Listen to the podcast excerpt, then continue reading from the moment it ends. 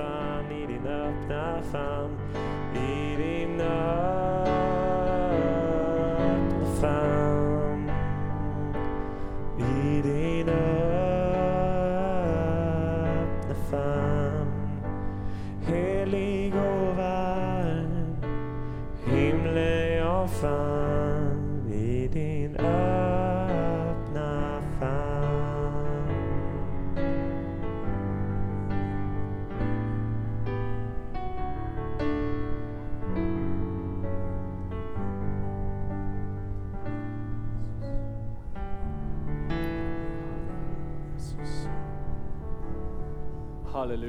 Jesus. Fader vi bara prisar dig Jesus. Tack att vi får bara prisa dig dyre Jesus. Du som är vår frälsare Jesus. Du som är vår Herre och kung Fader i våra liv Fader. Dyre Jesus, vi bara upphöjer dig. Vi bara ärar dig idag Jesus. Tack att du sitter på tronen. Du manar gott för oss idag Jesus. Åh Fader, jag bara tackar dig att dina välsignelser, dina välsignelser vilar över oss idag Fader. För du har sagt i ditt ord Fader att all den himmelska världens andliga välsignelse tillhör de troende Fader. Gud, vi bara tar fast på det ordet idag Fader. Åh Jesus, vi bara ärar dig Jesus för att du är kungars kung. Och du är densamme idag. Du har inte förändrats på något område, utan du står fast i ditt ord. I Jesu namn. Fader, jag ber dig heliga Ande, bara kom över oss idag. Heliga Ande, tala in i våra hjärtan Fader. Jag ber dig om det i Jesu namn. Amen. Ja, jag vet inte hur du känner idag. Om du känner oro, om du känner ängslan. För Sverige brinner. Bildligt talat så brinner Sverige som aldrig förr. Jag har varit uppe i Brattsjö där det brinner så våldsamt och eh, varit där och jobbat någon dag. Och man ser vad en eld kan ställa till med. När det brinner i granar runt omkring det ifrån roten upp till toppen, då känner man sig ganska liten ska jag säga. En eld kan ställa till så oerhört mycket. Men vet du, när jag var där uppe så talade Gud till mig om en sak. Och det var att Guds eld är på samma vis. Guds eld är på samma vis. Ibland har det brunnit, man kunde gå på marken där. Det hade brunnit, var alldeles svart och alldeles aska. Man trodde att det var alldeles dött under där. Men rätt vad det var så kommer det en blåsil och så bara flammar det upp igen. Vet du att det är på samma vis med du och jag. Ibland kan det komma perioder då det är lite torrt, då det är lite aska på marken och man tänker här verkar det dött. Men vet du en sak? Behöver bara att Guds ande bara blåser lite grann så bara börjar den att bara blåsa igen. Då blir det liv igen. Och vet du att Gud talade till mig när jag var där uppe i branden. Han sa så här. På lika många platser som det brinner i Sverige nu kommer jag att slå ner. Kommer jag att få det att börja brinna. Jag bara hörde det klart och tydligt. På lika många platser så kan det bli full väckelse. Så kan det börja blåsa igen. Det verkar dött. Vet du att bästa platsen, bästa stället att vara på och höra någonting ifrån Gud, det är skogen. Det är vara i skogen. Det är vara på en myr och plocka bär. Vet du, jag har plockat ganska mycket hjortron. Jag var på en stor myr där det var alldeles gött. Och jag var så tacksam till Gud att jag fick vara där och plocka. Men vet du, Gud talade till mig. Jag gick och småpratade med Gud liksom. Nu är det väl märkvärdigt att det kan vara så torrt, att det inte kan bli något regn. Att det ska gå dåligt för bönderna, att det, inte, att det är så kärvt på olika många områden. Vet du att det var en tall som började tala till mig? Har någon tall talat till dig någon gång? Det var en grov tall där i myrkanten. Och jag tänkte den här han är 150 år, han är 200 år kanske. Vet du vad tallen sa? Jag har sett fler torkare, torkeperioder än vad du har sett. Så, så oroa dig inte. Oroa dig inte. Gud har försett mig med vatten i 150-200 år. Jag har inte dött. Inte kan du väl ska måste vara lite orolig om det lite torka ett tag. Så den där tallen han börjar tala till mig. Och det är jättebra att vara ute i skogen och plocka bär om du vill höra någonting från Gud. Det ska, helst ska det inte vara mobiltäckning. Det är, då är det plus om det inte är mobiltäckning. Då är det ingen som kan störa det. Men det är, det är ganska fantastiskt i varje fall att Gud har inte övergett oss.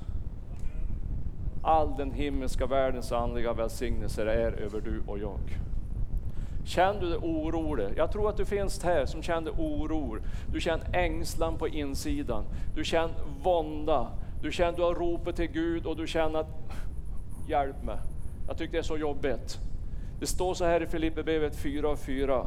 Gläd er alltid i Herren. Än en gång vill jag säga, gläd er. Låt alla människor se hur vänlig han är. Herren är nära.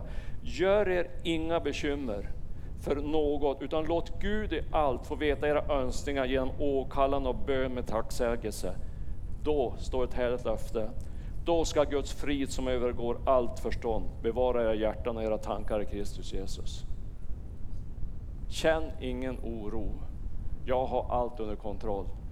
Med det säger jag inte att du ska be för torka, att du inte ska be för att det ska komma regn, att du inte ska be för alla bränder. Men du ska tacka Gud för att du är frälst. Du ska tacka Gud att han har kontroll över det. Då ska du inte behöva känna någon oro. Det är vad Guds ord säger. Då ska du få frid på insidan. Och frid, det vill varje människa ha. Jag vill ha frid på insidan. Ibland kan man känna sig oro för olika, för barn, barn, barn, allt möjligt kan bara dyka upp. Men ta åt dig det här ordet. Var tacksam. Tacka Gud. Som ett löfte på det ska du få frid på insidan. Ska du få glädje på insidan. Du ska få nytt hopp. Ja, men det blåser och det stormar runt omkring, spelar ingen roll. På insidan, där kan det vara lugnt. Vet du, jag hade tänkt idag tala lite grann om mirakler och förväntan på mirakler. När det gäller mirakler och under och tecken så tror vi allihopa att Gud kan göra under.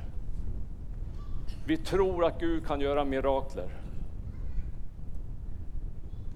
Men många gånger så uteblir nu.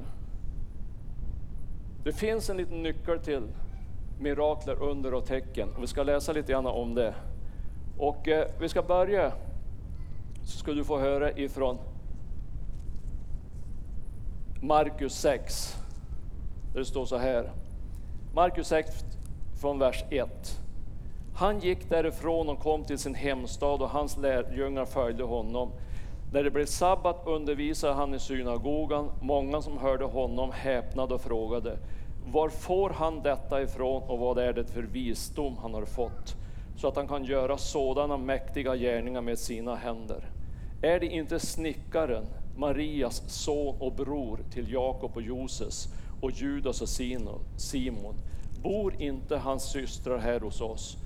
Och de tog anstöt av honom, men Jesus sade till dem, en profet föraktas alltid i sin hemstad, bland sina släktingar och i sin egen familj.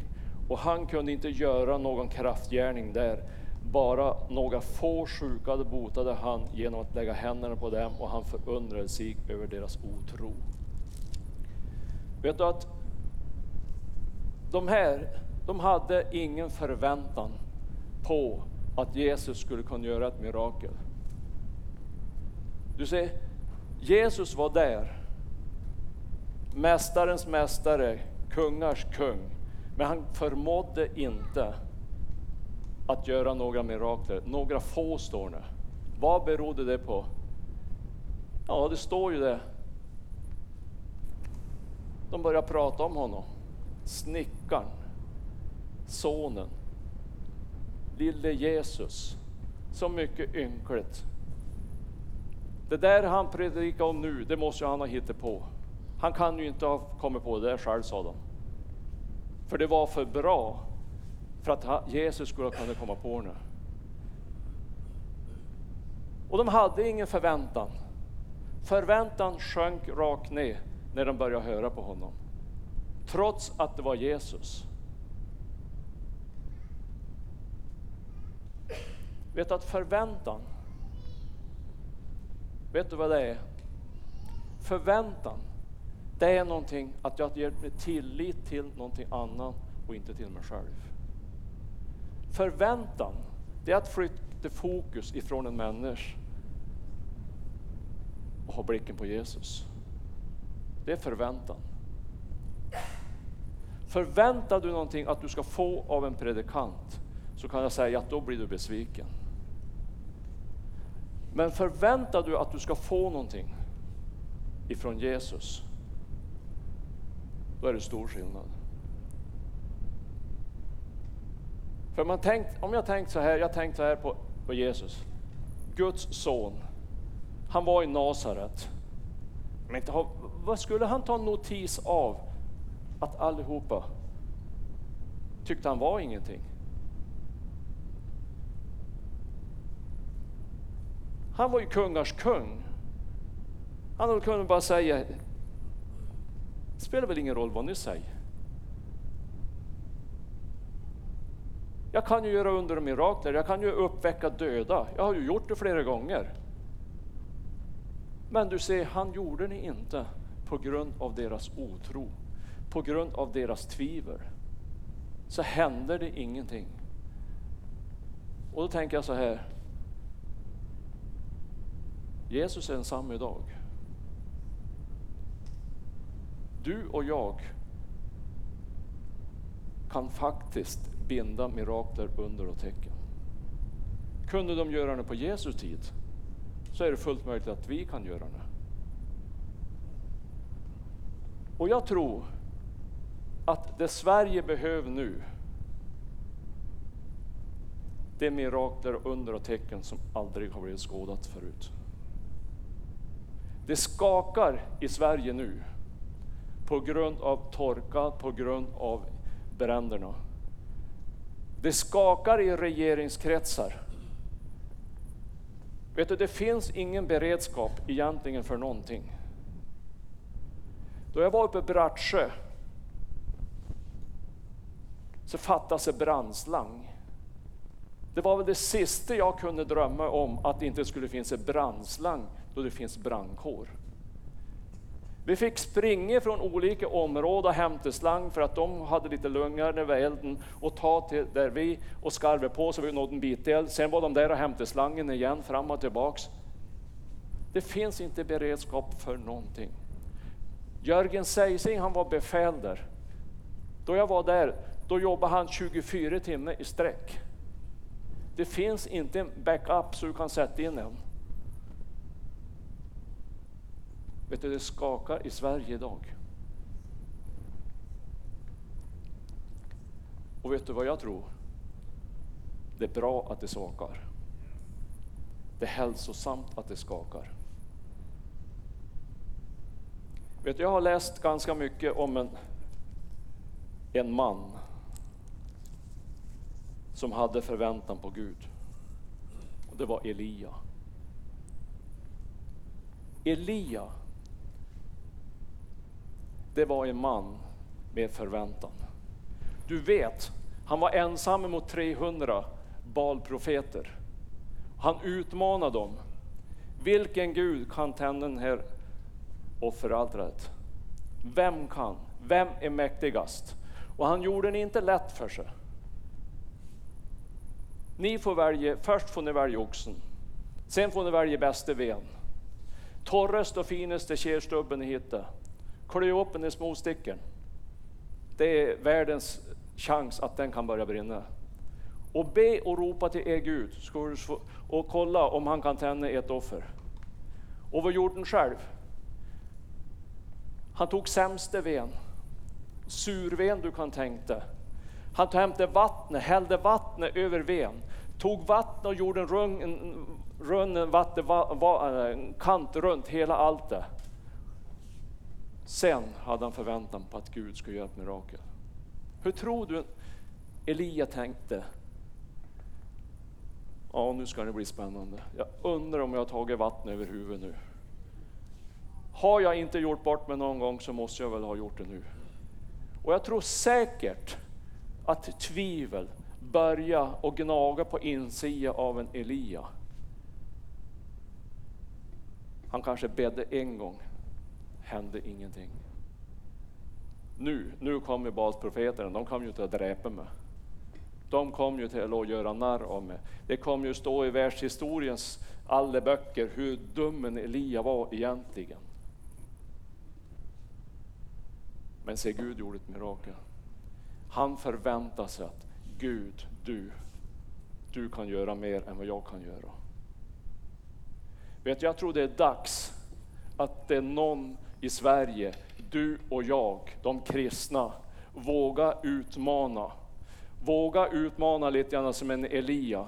Våga kanske ställa sig i TV. Nu ber vi, nu ropar vi till Gud. Nu mobilisera bönekrafter. Ut på SVT, på TV4, ettan och tvåan. Det är någon som måste våga sticka ut hakan. Nu måste vi be till Gud. Vi måste ha mirakler i Sverige. Vi måste ha under och tecken. Det måste vara slut på avkristenheten i Sverige.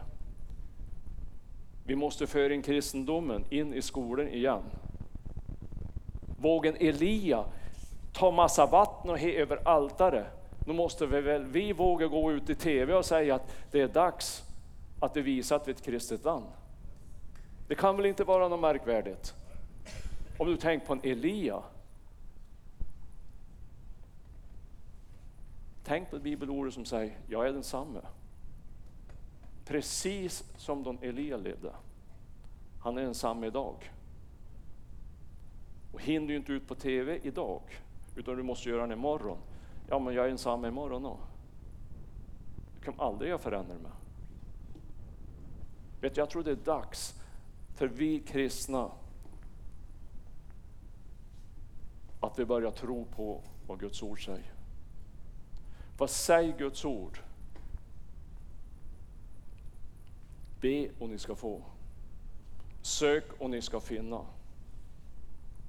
Det är tider för att det blir verklighet. Att vi börjar ha förväntan på att Gud kan göra mirakler. Mirakler som vi aldrig har sett förut.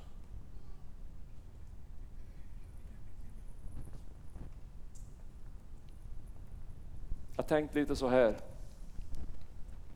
att det vore väldigt nyttigt för vi troende att sluta och titta på väderleksrapporter. Jag har sagt det flera gånger hemma. Slut och titta neråt. Slut och titta på väderleksrapporten. Slut och kolla på Yrno, klart väder, SMHI, allt vad det är. Ena dag lovar de 25 millimeter, nästa dag ingenting. Igår sa det 26 millimeter i Sörflärke skulle det vara idag. Idag har de tagit bort alltihopa, inte millimeter ska vi få. Jag säger slut och titta på väderleksrapporten. Lyft blicken, se på Jesus. Gör som en Elia. Förvänta dig att Gud ska göra ett mirakel. SMHI kan aldrig göra ett mirakel. De siar om vädret, det är hit och dit och det blåser åt olika håll och det blir aldrig som de säger. Utan vi måste bara lyfta blicken, säg vad säger Guds ord för någonting. Be och du ska få.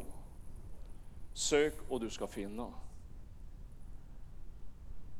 Jag tror det är väldigt, väldigt hälsosamt att vi står på muren och bara ropar ut det.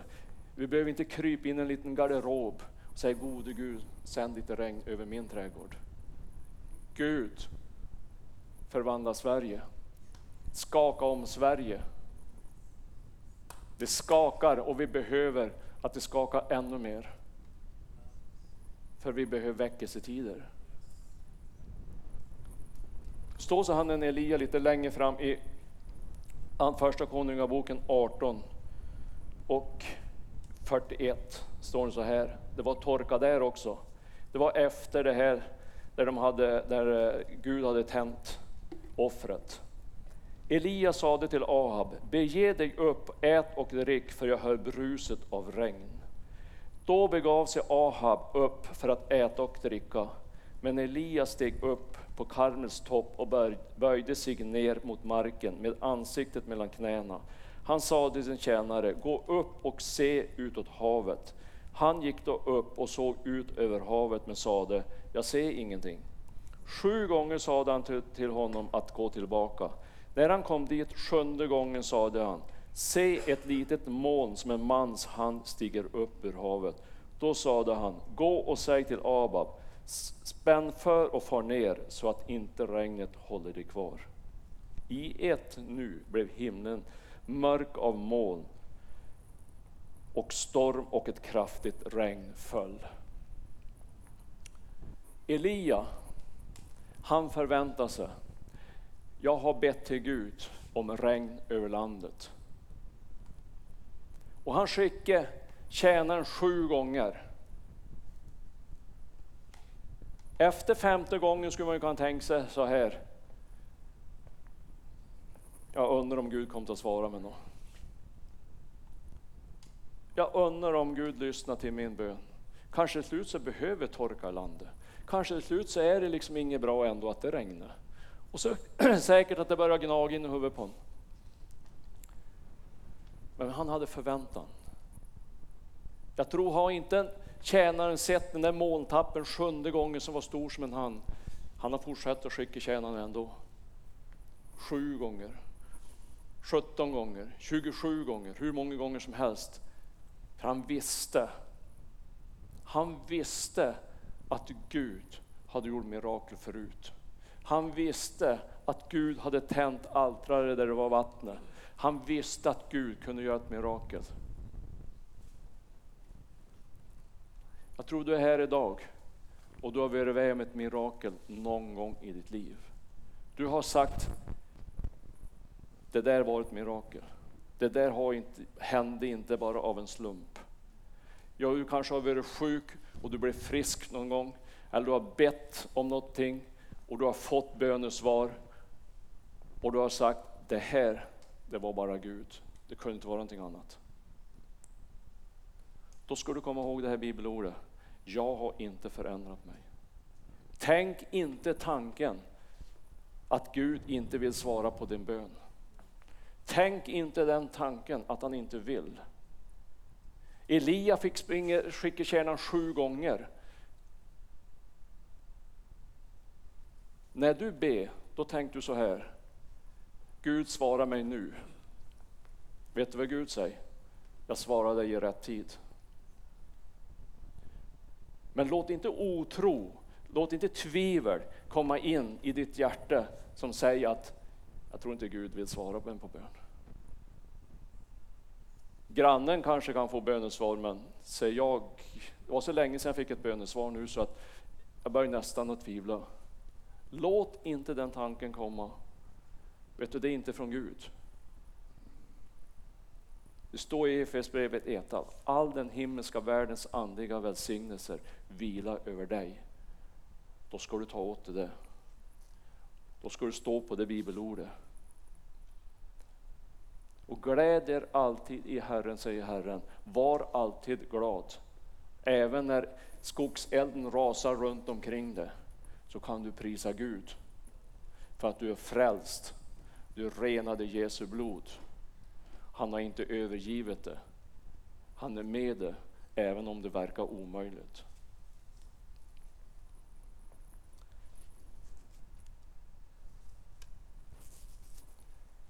Ska läsa något bibelord till.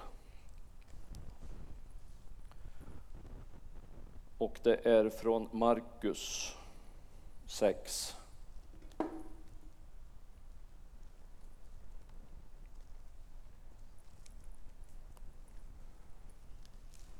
Tycker ni det är varmt inne här? Då skulle ni ha varit uppe i Bratsjö. Det är att du nästan kan inte stå på samma ställe för länge för då brann under skolsulen på dig ibland. Men det var inte så överallt, så var det inte. Markus 6. Och 35 till 43. Det var sent, eh, sent på dagen när hans lärjungar kom fram till honom och sade, den här platsen ligger ödsligt till och det är redan sent. Sänd iväg folket så att de kan gå till gårdarna och byarna här omkring och köpa sig något att äta. Men han svarade, ge ni dem att äta. De frågade honom, skall vi gå och köpa bröd för 200 denarer och ge dem att äta? Han sade dem, hur många bröd har ni? Gå och se efter. De tog då reda på det och sade, fem bröd och två fiskar. Hade lärjungarna någon, någon förväntan att det skulle ske några mirakler där? De hade inte det. För då har de sagt så här, ja men vi har ju åtminstone fem bröd och två fiskar, nu måste vi väl kan be Gud välsigna det så att det kan bli någonting utav det. Nej, de tänkte så här, vi måste fara och köpa maten. Det är för lite, det är för ynkligt. Lärjungarnas största misstag är att de fick inte vara med och förlösa ett mirakel på grund av att de hade inte förväntan att det skulle ske någonting. Då tar Jesus bara brödet och fiskar och bara välsignar och bara mättar 5000 män direkt rakt upp och ner. Vad var det? De hade inte förväntan att så ynkligt lite så kan göra sån stor skillnad. Se inte ner hur lit, på hur lite du kan göra. Spelar ingen roll hur litet, så ynkligt och så barnsligt som vi säger, som du kan göra för Jesus. Se inte ner på det. Förvänta dig att Gud kan multiplicera, att Gud kan bara göra ännu större mirakler. Gud kan välsigna. Varför det? Inte för att du är duktig, inte för att jag är duktig, utan för att han är den sanne. Vi måste, han är densamme, han har inte förändrats. Vi måste komma ihåg det. Vi får inte glömma bort att Guds ord är sant.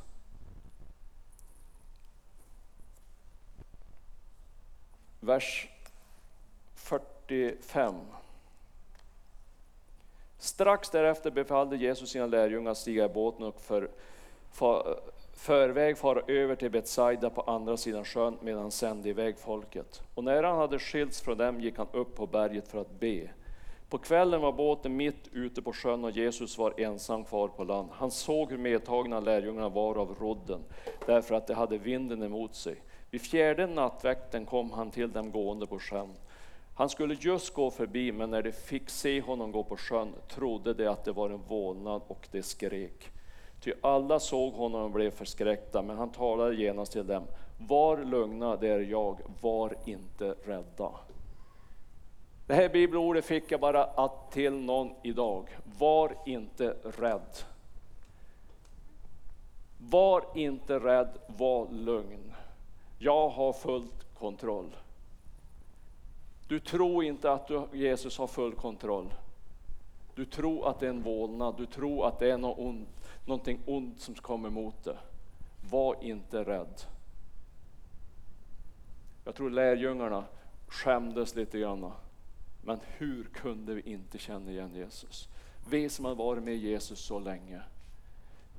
Hur kunde det bli på det viset?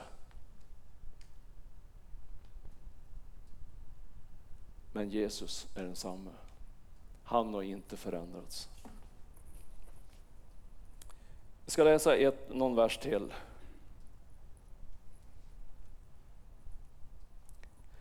Det for över sjön och kom till, vers 53, kom till Genesaret och lade till där. Så snart det steg ur båten kände man igen Jesus. Och folk skyndade ut i hela den trakten och förde de sjuka på bårar till den plats där de hörde att han var. Visst var det lite märkligt? Lärjungarna satt i båten och Jesus kom och gick, de kände inte igen den. Men här är det folket ute i byar, de kände igen den. Vet du, ibland kan ögat bli förblindad. Överallt där han gick in i byar, städer och gårdar lade man de sjuka på de öppna platserna och bad att de åtminstone skulle få röra vid hörntofsen på hans mantel. Och alla som rörde vid honom blev friska. Tänk på bibelordet Jesus är densamme. Alla som rörde vid hörntofsen. Är du sjuk idag så ska vi be för det. Hoppas att du har en förväntan på att Gud kan göra något mirakel för dig. Att du rör vid honom så kommer han att röra vid dig. Om du sträcker dig efter honom, varför var det så viktigt att du rörde till vid hörntofsen på Jesus? Jag tror att det var för att de, vill, de visar, vi vill ha med dig att göra. Det är du vi har vår tillit till, det är du vi tror på, att du kan göra någonting för mig. Så minsta Jesus begärde av dem, rör vid hörntofsen. Du och jag, vi kanske tänker åtminstone vi kunde fått skaka hand med Jesus. Om vi åtminstone fått krama om honom, komma lite närmare. Men se, det behövs inte så mycket. Du är bara rör vid hörntofsen. Yttersta strå ute på hörntofsen. Och vi ska göra en sak som lärjungarna gjorde. Det här är ett bibelord som inte jag har sett så många gånger. Det står i Markus 6 och 13. Då står det så här. Och det drev ut många onda andar och smorde många sjuka med olja och botade dem, står det. Det var det, det lärjungarna gjorde. De gick runt och smorde många med olja. Varje troende borde egentligen ha en oljeflaska i fickan. Det borde vara normalt att jag har olja med mig. Det står att lärjungarna, vi vill vara Jesu lärjungar, vi vill göra det Jesu lärjungar gjorde. Det går lätt att säga vi lägger händerna på sjuka, det kan vi göra. Det står till och med att vi ska, de gick runt och smorde många med olja. Inte bara de kände för det. De smorde många med olja. Och det ska vi göra idag. Vi ska smörja med olja och vi ska tro Gud och vi ska ha ett mirak vi ska, om mirakler. Och vår förväntan det är att Jesus, vår Herre, vår Gud, vår Fader, han är densamme, precis som då Elia stod med basprofeterna, hällde vattnet på ven, på surven och allting, ändå brann det. Gud kan göra det som är totalt omöjligt i våra ögon. Det kan vara alldeles klart på himlen över Jämtland. Men det är fullt möjligt att det kan regna 25, 30, 50 millimeter över eldsvådern. Fullt möjligt, för Gud är densamme. Det borde egentligen vara lättare för Gud, tycker man mänskligt, att hälla på lite annat vatten än tänd på ett offer som är täckt med vattnet. Det borde vara jobbigare. Men för Gud har det ingen betydelse, för han är ensamme och han har inte förändrats. Ha förväntan på mirakler idag. Nu ska vi fira nattvard och vi ska tro Gud om mirakler i nattvarden. Varför det? Därför att nattvarden det är en påminnelse. Det är en påminnelse om att vi är förbund med den levande guden. Och förbundet, det gäller. Förbundet, det förändras inte. Vi kan förändras, vi kan skaka i knävecka många gånger. Vi kan vara si och vi kan vara så, men se förbundet, det är kvar. Och förbundet säger, allt ditt är mitt allt mitt i ditt. Ställ dig upp för jag så ställer jag upp för du. Ett blodsförbund, det går aldrig att bryta. Det gäller livet ut. Och det är det vi ska påminna oss om idag. Att förbundet, det är detsamma. Vi ska fira, börja ta fira nattvard nu.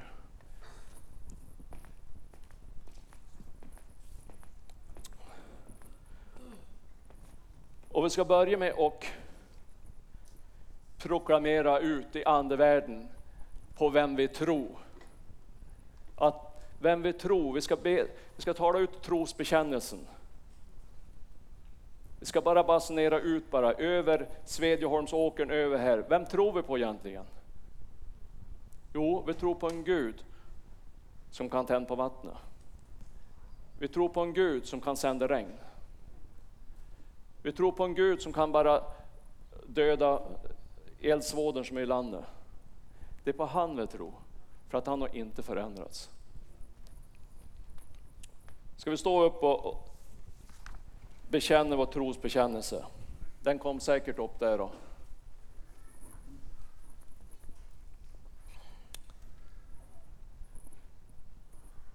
Annars kan vi den säkert. Vi tror på Gud Fader, allsmäktig, himmelens och jordens skapare. Vi tror och på Jesus Kristus, hans enfödde son, vår Herre, vilken är avlad av den helige Ande, född av jungfrun Maria, pinad under Pontius Pilatus, korsfäst, död och begraven. Nederstigen till dödsriket, på tredje dagen uppstånden igen ifrån de döda. Uppstigen till himlen, sittande på allsmäktig Gud Faders högra sida. Därifrån igenkommande till att döma levande och döda. Vi tror och på den helige Ande, en helig allmännelig kyrka, det heliga samfund, syndernas förlåtelse, det dödas uppståndelse och ett evigt liv. Ja, helig är du, Herre vår Gud, som håller himmel och jord i din hand. Vi tackar dig som sänt sin son för att frälsa världen, Jesus Kristus, vår Herre.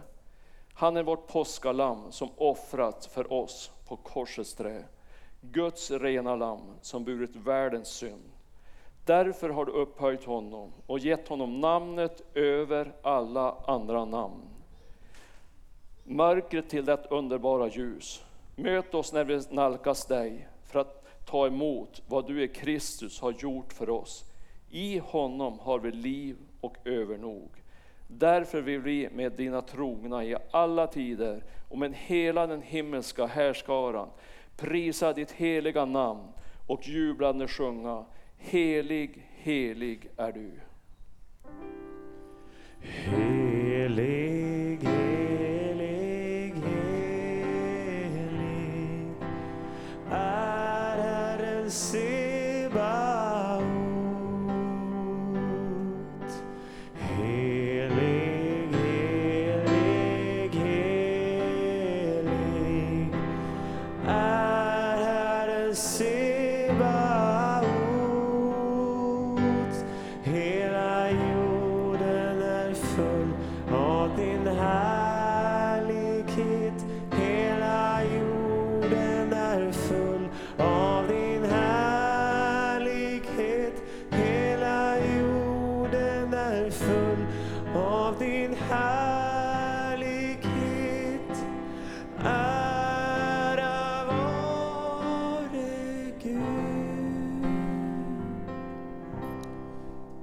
ska läsa från första Korinthierbrevet 11.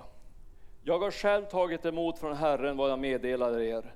Den natt då Herren Jesus blev förrådd tog han ett bröd, tackade Gud, bröt det och sade Detta är min kropp som är utgiven för er. Gör detta till minne om mig. På samma sätt tog han bägaren efter måltiden och sade Denna bägare är det nya förbundet i mitt blod. Så ofta ni dricker av den, gör det till minne om mig. Ty så, ty så ofta ni äter detta bröd och dricker av denna bägare förkunnar ni Herrens död till dess han kommer. Den som därför äter brödet eller dricker Herrens bägare på ett ovärdigt sätt, han syndar mot Herrens kropp och blod. Var och en ska pröva sig själv och så äta av brödet och dricka av bägaren. Ty den som äter och dricker utan att utskilja Herrens kropp, han äter och dricker en dom över sig. Kom heliga Ande över dessa gåvor och helga dem så att det för oss blir vår Herre Jesu Kristi dyrbara lekamen och blod. I Jesu Kristi namn. Brödet som vi bryter är delaktighet av Kristi kropp. Straffet var lagt på honom för att vi skulle få frid och genom hans sår har vi blivit helade så är vi fastän många en enda kropp. Helga denna frälsningsbägare genom ditt ord och din ande så att vi genom tro får del av den välsignelse som är vår arvedel genom Jesu Kristi försonade blod. Jesu blod renar oss från all synd. Ska vi be Herrens bön tillsammans? Fader vår som är i himmelen. Helgat var det ditt namn, tillkomme ditt rike. Ske din vilja så som i himlen, så och på jorden. Vårt dagliga bröd giv oss idag och förlåt oss våra skulder så som och vi förlåta dem oss skyldiga är. Och inled oss inte i frestelse utan fräls oss från ondo. Ty riket är ditt och makten och härligheten i evighet. Amen. Hälsa din broder och din syster frid.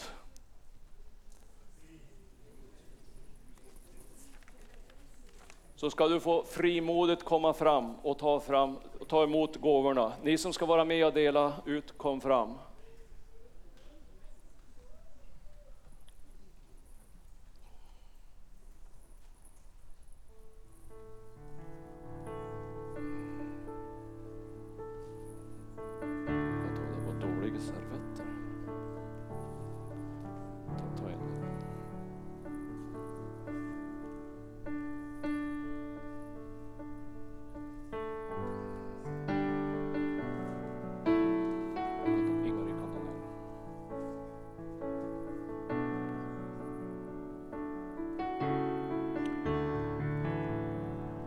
Sen ta emot gåvorna så erbjuder vi förbön. Förebedjare kan stå där och förebedjare kan stå där. Om du vill ha förbön, om du vill bli smord med olja, så välkommen. Så ska vi tro Gud om mirakler. Förebedjare kan gå först, så att de kom dit. Sen kan vi också ha förbön efter mötet, sen, du har, sen det allt Fortsätt en stund till. Men var frimodig och kom.